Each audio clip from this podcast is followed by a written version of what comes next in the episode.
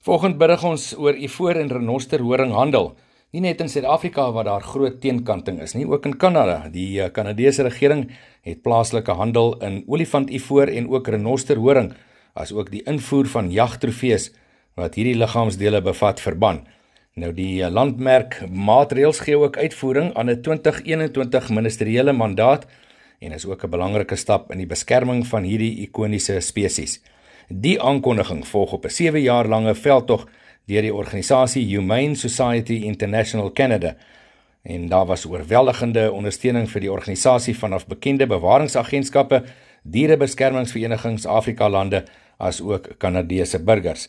Die Afrika olifantpopulasie het die afgelope eeu met nagenoeg 96% afgeneem en wetenskaplikes waarsku dat hierdie olifante asook talle renoster spesies binne die volgende dekades kan uitsterf indien daar nie wêreldingryping plaasvind om stroopers te identifiseer nie. Soos gesê, die uh, nuus wat kom van Humane Society International.